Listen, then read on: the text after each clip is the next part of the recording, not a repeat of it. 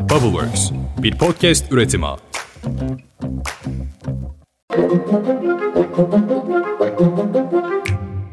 Günaydın. Bugün 4 Mayıs 2023. Ben Özlem Gürses, Bubbleworks Media ve Pushholder'la birlikte hazırladığımız 5 dakikada dünya gündemine hepiniz hoş geldiniz.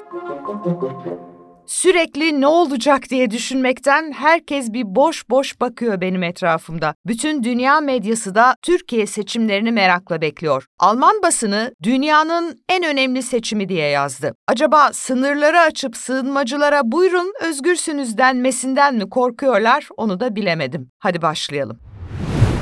Nisan ayı enflasyon rakamları açıklandı. TÜİK'e göre Nisan'da tüketici enflasyonu aylık %2,39, yıllık %43,68 oldu. ENAG'a göre ise Nisan'da tüketici fiyatları aylık %4,86, yıllık %105,19 oranında arttı. Nisan ayı enflasyon verilerinin açıklanmasıyla milyonlarca emeklinin alacağı zamlar da netleşmeye başladı. 4 aylık verilere göre işçi emeklileri Mayıs ve Haziran Haziran ayında enflasyon hiç artmasa bile %15,21 zam alacak. Memur ve memur emeklisi de %8'lik toplu sözleşme zammı çıkartılarak %7,21 enflasyon farkı alacak.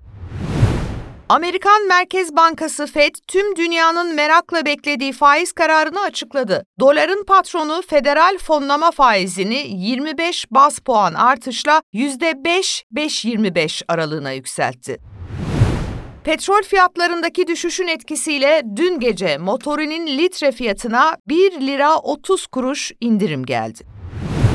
Üzerinde sıfır borç yazan doğalgaz faturaları bazı kullanıcılara gönderilmeye başlandı. Bu arada Enerji Bakanı Fatih Dönmez, ithal doğalgaz için Rusya'ya yapılacak ödemelerin ertelendiği iddiasını doğruladı. Şimdi şöyle biz e, Rusya ile yani Gazprom e, şirketiyle geçtiğimiz yıl e, fiyatlar e, olağanüstü artınca tabii hiç kimsenin öngörmediği şekilde e, belli bir e, rakamın üstündeki ödemelerin e, ertelenmesi konusunda bir mutabakat sağlandı, bir müzakere yapıldı. Bu anlaşmanın ne zaman yapıldığı konusunda bilgi vermeyen Dönmez, Ocak ayında ertelenme dahil olmak üzere Rusya ile enerji konusunda çok boyutlu görüşmeler yapıldığını ifade etmişti.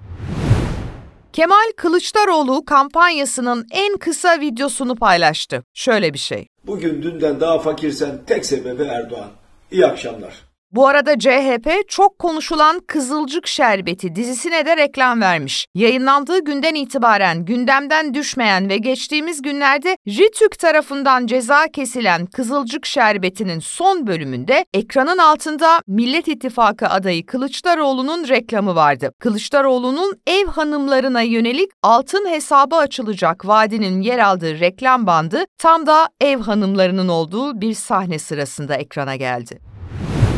Bir süredir provokasyon, ses kasetleri, şantaj videoları gibi konular gündemimizdeydi biliyorsunuz. CHP siber saldırı ihtimaline karşı olarak resmi web sayfasını 15 Mayıs gecesine kadar yurt dışından erişime kapattığını duyurdu. Siteye girdiğinizde sayfada yurt dışından gelebilecek siber saldırılardan korunmak için sistemlerimizi 15 Mayıs 2023 23.59'a kadar geçici olarak yurt dışına kapattık. Seçimden sonra görüşürüz açıklaması yer alıyor.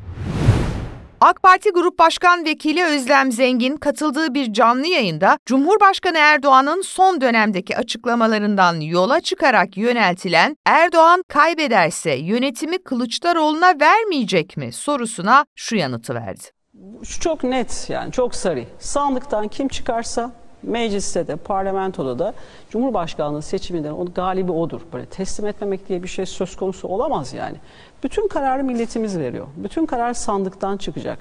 Buradaki şey Cumhurbaşkanımızın ifadesi milletin iradesine olan itimadını söylüyor. Yani Cumhurbaşkanı Erdoğan, Ankara'da Orman Genel Müdürlüğü yangın söndürme uçakları ve helikopterleri teslim törenine katıldı. Erdoğan, uçaklardan birine imzasını atıp uçağın ismi olan Nefes yazısını yazdı. Daha sonra da çalışanlarla hatıra fotoğrafı çektirdi. İnsan tabii merak ediyor, ormanlar yanarken bu yangın uçakları neredeydi acaba diye.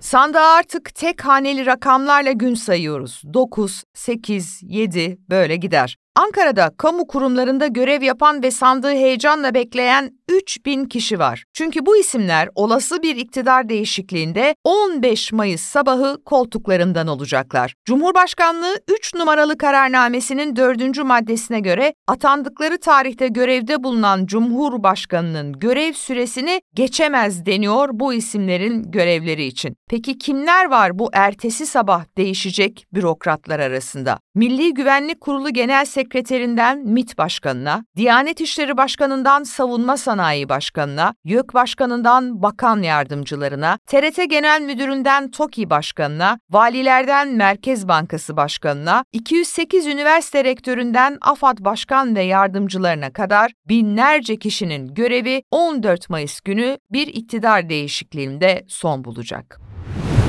İstanbul Büyükşehir Belediye Başkanı ve Cumhurbaşkanı Yardımcısı adayı Ekrem İmamoğlu Adıyaman'da konuştu. İmamoğlu, HDP eski eş genel başkanı Selahattin Demirtaş'a da selam gönderdi. Konumuz memleketin seçimi. Şimdi sen onu o şekilde tutarsan olmaz. Ben Selahattin Demirtaş'a defalarca selam söyledim yine söylüyorum.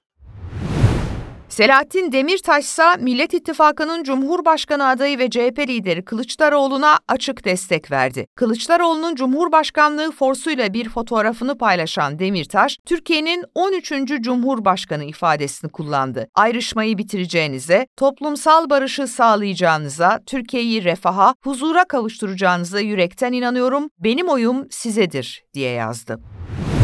Kremlin'e İHA'larla saldırı girişiminde bulunuldu. Açıklamayı Rusya yaptı. Rusya saldırının Putin'e suikast girişimi olarak değerlendirildiğini bildirdi. Aynı açıklamada bu iki İHA'nın düşürüldüğü bilgisi de yer alıyor. Şarkıcı Gülşen'in konserinde imam hatiplere yönelik sözleri nedeniyle halkı kin ve düşmanlığa tahrik suçundan yargılandığı davada karar çıktı. Gülşen hakkında 10 ay hapis cezasına hükmeden mahkeme hükmün açıklanmasının geri bırakılmasına karar verdi. Mahkeme yurt dışı çıkış yasağının kaldırılması için Gülşen tarafından yatırılan 250 bin TL güvence miktarını da iade edecek.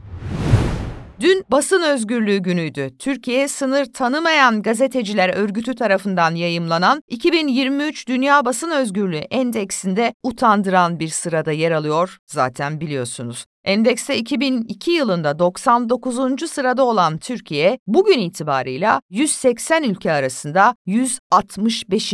sıraya düştü. Acaba neden?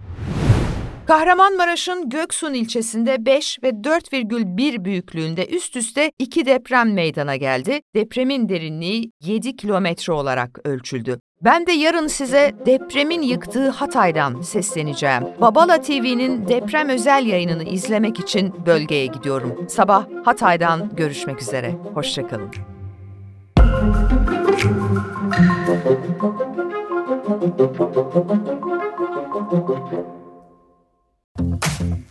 Bubbleworks bir podcast üretimi.